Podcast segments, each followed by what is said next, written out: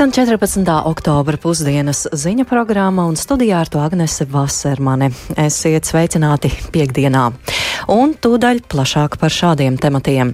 Ukrainā atzīmē Ukrainas aizstāvju dienu. Zelenskis aicina iedzīvotājus būt modriem. Tagad Krievija sūta uz fronti tūkstošiem savu mobilizēto vīru. Viņi sagaida, ka mobilizētie krievi spēs izdzīvot karā vismaz dažas nedēļas. Latvijā iecerē par jaunu ministra portfeli rada jaunu dimensiju valdības veidošanas sarunās, spriež politologs šis amats varētu būt stipri ietekmīgs, ja mēs runājam par šo enerģētikas un zaļās politikas ministru. Tam amatam būs diezgan liela ietekme uz tautsēmniecību. Es pat teiktu ļoti liela, un tur būs diezgan liela līdzekļa apakšā. Inčukalna pazemes krātuve gatava gāzes izņemšanai sezonā. Ceļa stabiņi un atduras barjeras dažviet Rīgā apdraud cilvēku drošību. Viņiem ir jāizskatās normāli, lai viņas vispār, lai, lai viņi funkcionētu kā strāvošie elementi. Tumšais laiks, kas notiek, ja nav, vai ne? Kalātnes, ka kā ir to. Nevar redzēt, kur viņi tieši sākas, kur viņi beidzas. Ko par to saka vietvaras pārstāvji arī par to pusdienas ziņu raidījumā.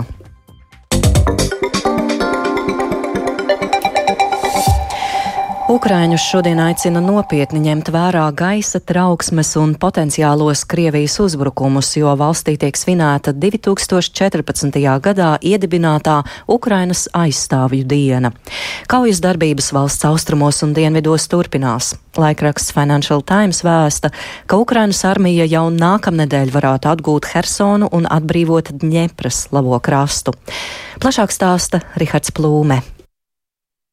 Aizvadītajā diennaktī Ukrainas armija atvairījusi Krievijas iebrucēju uzbrukumus deviņu apdzīvoto vietu apkārtnē. Ukrainas armijas lidmašīnas veikušas 25 triecienus. Arī šonakt Krievija vairākās vietās īstenojusi apšaudes, tostarp uzbrukusi ar Irānā ražotajiem droniem pašnāvniekiem. Šodien Ukrainā tiek svinēta Ukrainas aizstāvju diena, ko 2014. gadā iedibināja toreizējais Ukrainas prezidents Petro Porošenko. Ukrainas prezidents Valdimirs Zelenskis militāra personas nosaucis par varoņiem un norādījis, ka tās cīnās par Ukrainu neatkarību un brīvību visām nākamajām paaudzēm. Zelenskis aicināja cilvēkus šodien būt atbildīgiem un nopietni ņemt vērā gaisa trauksmes, sargoties no Krievijas īstenotiem raķešu un dronu uzbrukumiem. Viņš arī norādījis, ka Krievija šobrīd turpina mest mobilizētos nāvē. Зараз Росія закидує на фронт тисячі цих своїх mobilizovanih. Tagad Krievija sūta uz fronti tūkstošiem savu mobilizēto vīru. Viņiem nav būtiskas militārās apmācības, bet viņiem dotajām komandām tās nemaz nav vajadzīgas. Viņi sagaida, ka mobilizētie Krievi spēs izdzīvot karā vismaz dažas nedēļas, tad nomirs un tad uz fronti tiks sūtīti jauni. Šāda savas tautas izmantošana kā lielgabalu gaļa ļauj radīt papildus spiedienu uz mūsu aizstāvjiem. Tas ir jūtams spiediens, un es esmu pateicīgs visiem mūsu karotājiem, kuri to iztur. Esmu pateicīgs arī partneriem, kuri saprot, ka šādos apstākļos ir nepieciešama aizsardzības palīdzības palielināšana. Es pateicos visiem, kas cīnās, strādā un palīdz nosargāt Ukrainu. Turpinoties okupēto teritoriju atbrīvošanai, analītiķi izteikušies, ka Krievijas karaspēka ofensīva Ukrainā var tikt apturēta, jo kaujas zonās pasliktinās morāla, disciplīna un kaujas spējas. Krievu vienības degradējas, cenšoties noturēt salīdzinoši nelielas un nenozīmīgas apdzīvotas vietas visā Donetskas apgabalā, īpaši Bahmutas apkārtnē. Eksperti skaidro, ka Krievijas mēģinājumi sagraut papildu teritorijas visticamāk vēl vairāk mazinās morāli un vispārējo kaujas spēju izsīkumu uzbrukumu. Turklāt turpinās nesaskaņas starp Krievijas militārajiem grupējumiem. Tikmēr dienvidos, kur turpinās Ukrainas armijas centieni atkarot Hersonu, žurnālisti vērš uzmanību uz kolaboracionistu aicinājumu Krievu okupantiem nekavējoties sākt iedzīvotāju evakuāciju okupētajā Hersonas apgabalā. Pēc analītiķu domām tas liecina, ka Krievija gatavojas izšķirošai cīņai. Laikraksts Financial Times, atsaucoties uz rietumu militāru personām, vēsta, ka Ukrainas armija Hersonu varētu atgūt jau nākamnedēļ bet Ukrainas armijas ģenerālštāps vēsta, ka Krievijas iebrucēji palielina karavīru skaitu Zaporīžas atomelektrostācijas teritorijā. Okupanti stāciju izmanto kā bāzi personāla izmitināšanai. Bet amerikāņu miljardiera Ilona Maska kompānija SpaceX ir brīdinājusi Pentagonu, ka tā var pārtraukt Starlink satelītu sakaru finansēšanu Ukrainā, ja Pentagons neseks šos izdevumus ar desmitiem miljonu ASV dolāru mēnesī. Ukrainai ir nodoti apmēram 20 tūkstoši Starlink termināļu bezvadu interneta sakaru nodrošināšanai. SpaceX prasība ir izraisījusi neapmierinātību Pentagona augstākajā vadībā. Telekanāls CNN publicēja materiālu par nesen notikušajiem plašajiem traucējumiem Starlink darbībā, un informēti ziņu avoti pastāstīja, ka šie traucējumi notikuši pēkšņi uz visas frontes līnijas. Rihards Plūme, Latvijas radio.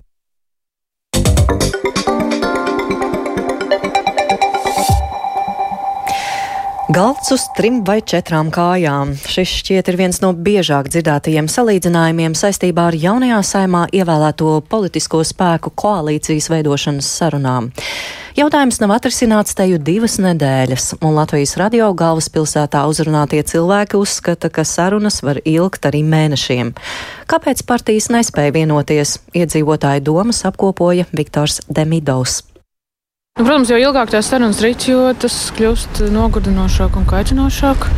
Problēma ir līdzīga tāpat kā ar eh, studentiem. Nu, ka studentiem ir eh, nepieciešams eh, darbs, taču viņiem netiek dot iespēja, tāpēc ka viņiem nav pieredzes. Lai arī iespējams, varbūt, ka viņi ar savu šo te, iespējams, progresīvo viedokli varbūt, būtu labs un, un spēcīgs jaunpienesums. Un tā tas aplis visu laiku iet par īņķi. Ir jaunā vienotība, turpretī es domāju, ka ir Nacionāla apvienība un viņiem ir ļoti pretstatījā, bet, uh, manuprāt, uh, progresīviem varbūt arī ir šī vieta tajā valdībā. Dažādās vērtības ir viens, un otrs, ah, jūsu partija, nu, mēs nevēlamies vienkārši tāpēc, ka jūs esat jūs.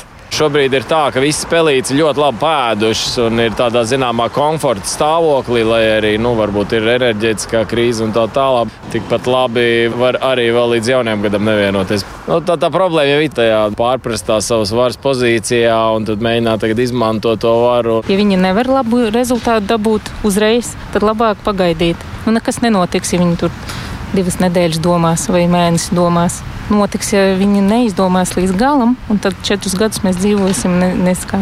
Kam jānotiek, lai jautājumu atrisinātu? Varbūt ir jābūt aktīvākai darbībai no prezidenta?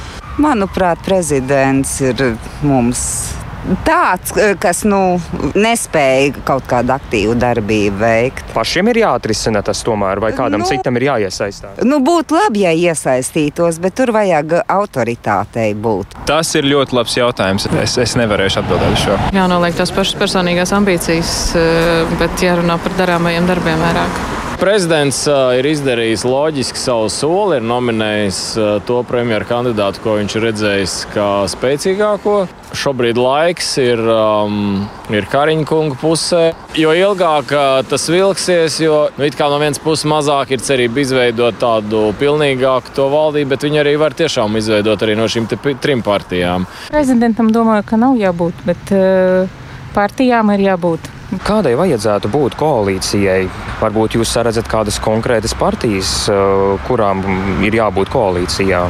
Valstiskai, uz valsts vērtībām, uz sabiedrību vērstai, tādai, kas spēj savā starpā sadarboties. Otrakārt, tādai, kas ir spējīga ienest iekšā arī kaut kāds jauns vēsmas, šajā gadījumā progresīvas vērtības, spēcināt zaļo kursu un visādas citas lietas, kas mums iet. Nu, manuprāt, ir jābūt opozīcijai, lai kaut kas mainītos. Visi jau gaidīja. Es domāju, kādai no opozīcijas partijām jābūt jā, valdībā. Jā, jā es, es tā domāju. Es domāju, ka nevajadzētu tos progresīvos izslēgt. Nu, viņai noteikti ir jābūt stabilai.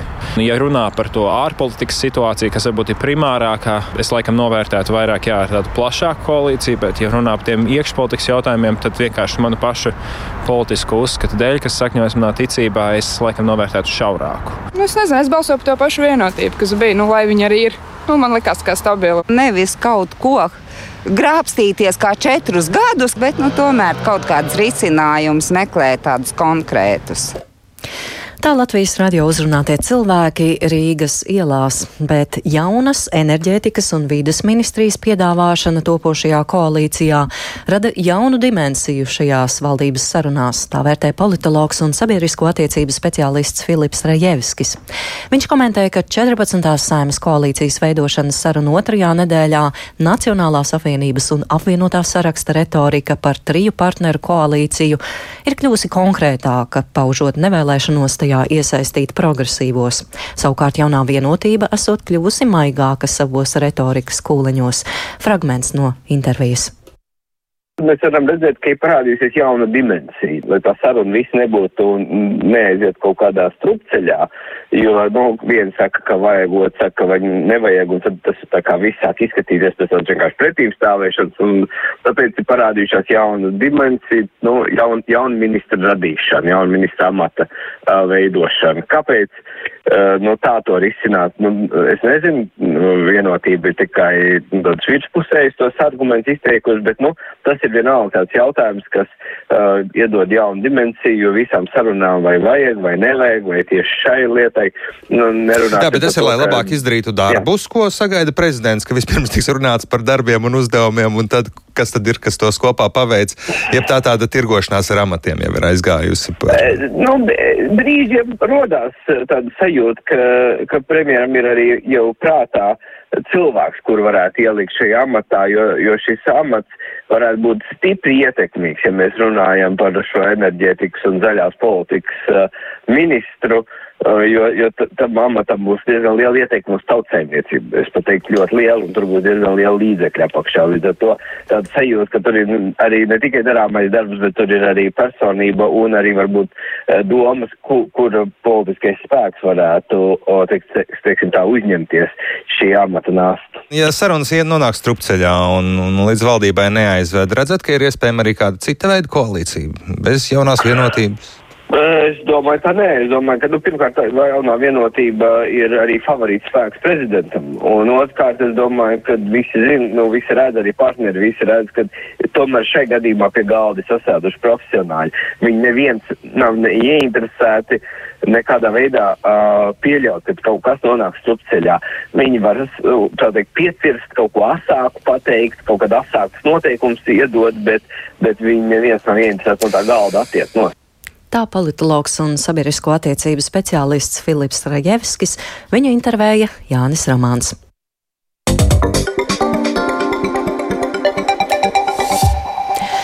Turpinām ziņu programmu. Labklājības ministrija piedāvā mainīt minimālā ienākuma sliekšņa aprēķinu. Pat labam to izsaka eiro izteiksmē, bet pēc reformas rēķinātu procentuālo vērtību no visu maisaimniecību rīcībā esošo ienākumu mediānas jeb viduslīnijas. Turklāt to paredzēts pārskatīt katru gadu, nevis kā līdz šim, neretāk par reizi trijos gados. Ir cerība, ka minimālā ienākuma sliekšņa reforma dienas gaismu ieraudzīs no nākamā gada. Lai Latvija saņemtu trešo Eiropas komisijas maksājumu, ir jāizpilda visi 2023. gadam paredzētie mērķi, arī šis. Mūsu korespondente Linda Zalāne sarunā ar darba devēju konfederācijas, sociālās drošības un veselības aprūpes ekspertu Pēteri Leiškalnu skaidroja, ko no šīs reformas iegūs cilvēki cilvēkam pabalsts būs aktuālāk piesaistīts tā brīža pirktspējai. Pirmkārt, viņi visi tiks regulāri katru gadu aktualizēti, kas ir ļoti svarīgi. Tas ir pats būtiskākais, jo tad, kad mēs izsakām faktiskajos lielumos, ciparos, tad ļoti bieži aizmirst viņus, tā teikt, pārskatīt. Tad, kad mēs viņu piesaistām pie maisancību ienākumu viduslīnijas, tad viņš tomēr tā viduslīnija katru gadu bišķiņ mainās. Nu, šogad straujāk mainās dēļ inflācijas, ja? un tad attiecīgi šis pabalsts vienmēr ir aktualizēts. Vai tad tas nozīmē, ka cilvēki iegūs vairāk naudas? Principā, ja mums ir inflācija, tad viņš ir lielāks. Ja ir deflācija, tad viņš parasti neaiztiek. Nu, tāda brīnuma es domāju, ka tik drīz nebūs, ka ir deflācija. Tad it kā varētu viņš tikt aktualizēts uz leju, bet to parasti nedara. Ja mums šogad it īpaši attiecībā uz pārtiks precēm un uz kurām mums tādām ļoti nepieciešamām pamatlietām ir tāds cenu pieaugums, tad, protams, ir nepieciešams, lai nākamgad šie pabalsti augtu tam līdzi. Kā kopumā vērtējat reformu? Tajā ir arī kādas nepilnības? Tā reforma iecerētā bija jau 2014. gadā. Soli pa solim virzījās priekš, bet nu, to valdība parasti neakceptēja. Kad tiesības sargs iejaucās un sniedz pieteikums atversmes tiesā, tad pēc atversmes tiesas nolēmuma beidzot šī koncepcija ir ieviesta. Tiesa gan šobrīd ir tāda mazliet problēma to, ka mēs vēl aizvien tomēr dzīvosim tādā diezgan novecojušā, jo, kā zināms, šogad statistikas pārvalde publiski publicēja datus par 2020. gadu šogad. Un, ja mēs skatāmies, šogad tiek pieņemts lēmums par nākamo gadu, tad nākamā gada 23. un vienalga būs 20. gads. Būtu bijis labāk, ja mēs vadītos pēc svaigākiem datiem, vismaz pēc 21. gada, bet nu, pagaidām ir tā, kā ir, jo statistikas pārvalde nevar ātrāk datus sniegt. Nē, nu, vienmēr var gribēt labāk, bet ir labi, ka jau tiek spērt šis solis. Es tā ceru, ka tas būs no nākamā gada, jo normatīvie akti ir gatavi un ir virzībā. Tā darba devēja konfederācijas sociālās drošības un veselības aprūpas eksperts Pēteris Leiškāns, viņu intervēja Linda Zalāne. Inčukalna pazemes gāzes krātuve ir gatava jau rīt sākt gāzes izņemšanas sezonu. Turklāt šoziem uzņēmums ir gatavs veikt gan gāzes izņemšanu, gan iesūknēšanu, ja radīsies šāda nepieciešamība. Tas sekmē dabas gāzes apgādes drošību un nepārtrauktību. Turpinājumā Lindas Zalānas reportāžā no Inčukalna pazemes gāzes krātuves. Kopumā, ja mēs skatāmies to, ko aizņem Inčukalna gāzes krātuve kopā ar centrālo zonu gāzes savākšanas punktiem un urbumiem, tie ir orientējoši 24 km2. Akcijas sabiedrības Connexus Baltic Grid pārvaldībā esošās Inču kalna pazemes gāzes krātuves vadītājs Rinalds Dimiņš plašu uzņēmumu teritoriju Latvijas radio izrāda neilgi pirms dabasgāzes izņemšanas sezonas sākuma. Periods, kurā mums ir jāsagatavo aprīkojums no viena gāzes virziena uz otru, ir daudz mazāks nekā tas parasti notika tradicionāli. Tam esam gatavi. Jā. Pirmo reizi uzņēmumu vēsturē divvirzienu dabasgāzes plūsmas krātuvē sāka veikt šī gada februārī, reaģējot uz ģeopolitiskiem notikumiem Eiropā. Tas, protams, nav bijusi krātuves eh, tipiskais darbības veids eh, iepriekšējā periodā, bet šobrīd tas ir kļuvis iespējams. Tā nav gāze, jūs neuztraucaties. Un, eh, nu, tie, kas šeit strādā ikdienā, tiem, protams, ir jānesā patstāvīgi austiņas. Jā, tātad šeit mēs redzam gāzes pārsūknēšanas agregātu, kuru Inčukalna gāzes krātuve izmanto iesūknēšanas eh, sezonas laikā, lai eh, nogādātu dabasgāzi šajā mm, pazemē. Un tas, ko jūs redzat, ir viena no piecām šeit esošajām mašīnām. Mēs jau tikai izteigājām pusi. Vēl jau ir otra puse, tur tālāk, kur ir kompresoru stacija numur viens, kas ir jaunākā puse. Mm. Šis ir tas, kas tika būvēts pagājušā gadsimta 80. gadu vidus un beigu daļā. Un kā redzat, izskatās joprojām Jā, ļoti labi. Es tieši gribēju teikt, izskatās kā jauni. Jā. Savukārt, runājot par atjaunīgajiem energoresursiem un to aizvien pieaugušo lomu Latvijas energobilancē, Dimiņam jautāja, vai gāzes patēriņš sarūk un vai šī energoresursa nozīmīgums nākotnē nav apdraudēts. Patēriņš nu, sarūk pateicoties gan visiem ieviestajiem energotaupības pasākumiem, gan arī pārorientāciju uz, uz citiem enerģijas veidiem, nu, šķeldas, granulas, siltumsūkņu. Nu, patēriņa samazinājums ir jūtams. Varat laist kādus procentus? Pēc man esošās informācijas tas ir orientējuši līdz 30%. Jā, nu tā tendence, ka atsakās no gāzes, ies plašumā, ko tas koneksusam nozīmē? Es jau neminēju, ka ilgtermiņā šī tendence turpināsies. Mm -hmm. Lielākoties jau taupības pasākumi ir eh, saistīti ar eh, šobrīd esošo dabasgāzes cenu. Nu, sakārtojoties šiem cenu līmeņiem, ņemot vērā, ka eh, dabasgāze joprojām ir viens no ērtākajiem un vidē draudzīgākajiem kurināmajiem. Es paredzu, ka šiem patēriņiem būtu jāatgriežas iepriekšējos līmeņos. Linda Zalāne, Latvijas radio.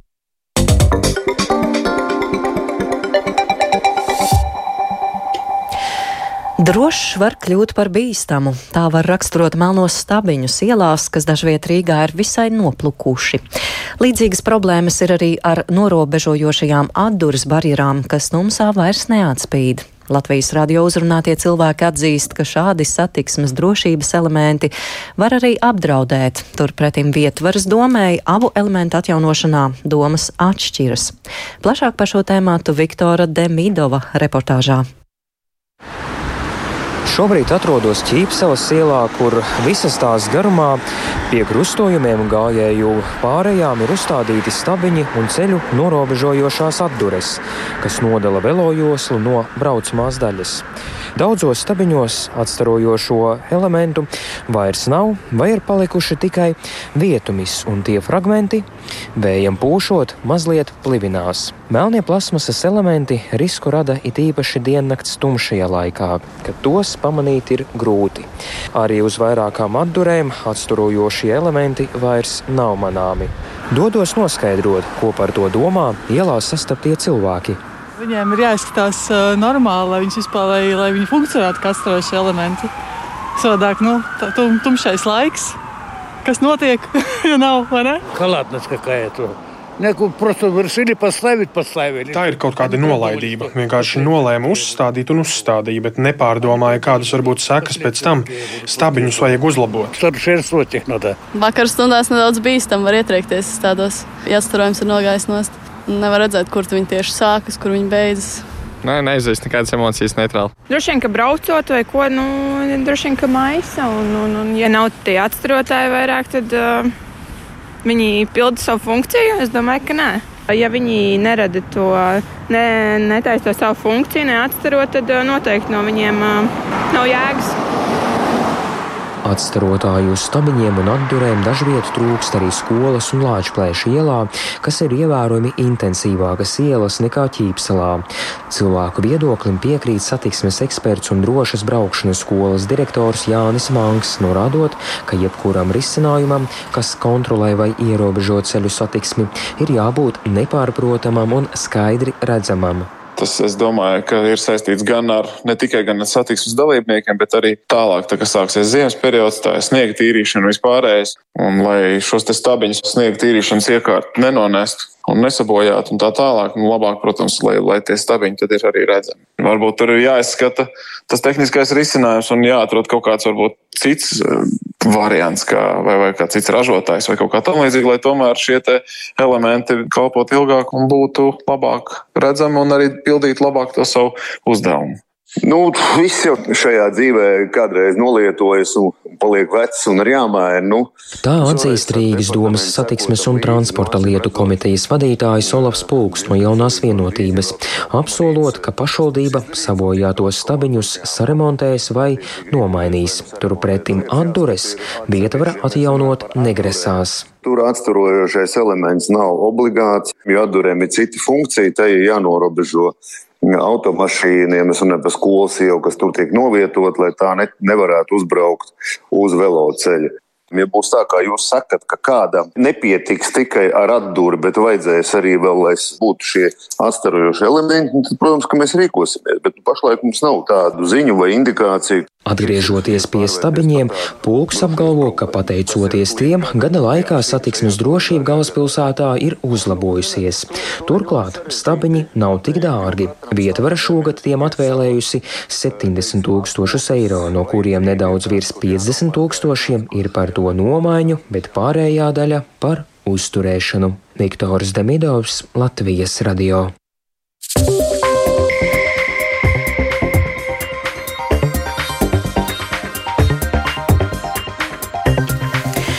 Un ar to arī skan piekdienas 14. oktobra Latvijas radio ziņu programma Pusdiena. Programmas producents Viktors Pupiks, ierakstus montēja Uldis Grīnbergs pie skaņa pults Katrīna Bramberga, studijā Agnese Vasermane. Vēlreiz par būtiskāko. Ukrainā šodien atzīmē Ukrainas aizstāvju dienu. Prezidents Volodimirs Zelenskis aicina iedzīvotājus nopietni ņemt vērā gaisa trauksmes un potenciālos Krievijas uzbrukumus. Kaujas darbības valsts austrumos un dienvidos turpinās. Ukrainas armija jau nākamnedēļ varētu atgūt Hersonu un atbrīvot Dņepras labo krastu. Latvijā iecerē par jaunu enerģētikas un vides ministra portfeli rada jaunu dimensiju valdības veidošanā, tā spriež politologs. Jaunās saimnes koalīcijas veidošanas sarunu otrajā nedēļā Nacionālās apvienības un apvienotā saraksta retorika par triju partneru koalīciju ir kļuvusi konkrētāka paužot nevēlēšanos tajā iesaistīt progresīvos. Savukārt jaunā vienotība esot kļuvusi maigāka savos retorikas kūleņos, tā politologs. Latvijas radio galvaspilsētā uzrunātie cilvēki uzskata, ka valdības veidošanas sarunas var ilgt arī mēnešiem. Un Inču kalna pazemes krātuve ir gatava gāzes izņemšanas sezonai. Turklāt šoziem uzņēmums pauž gatavību veikt gan gāzes izņemšanu, gan iesūknēšanu, ja radīsies šāda nepieciešamība.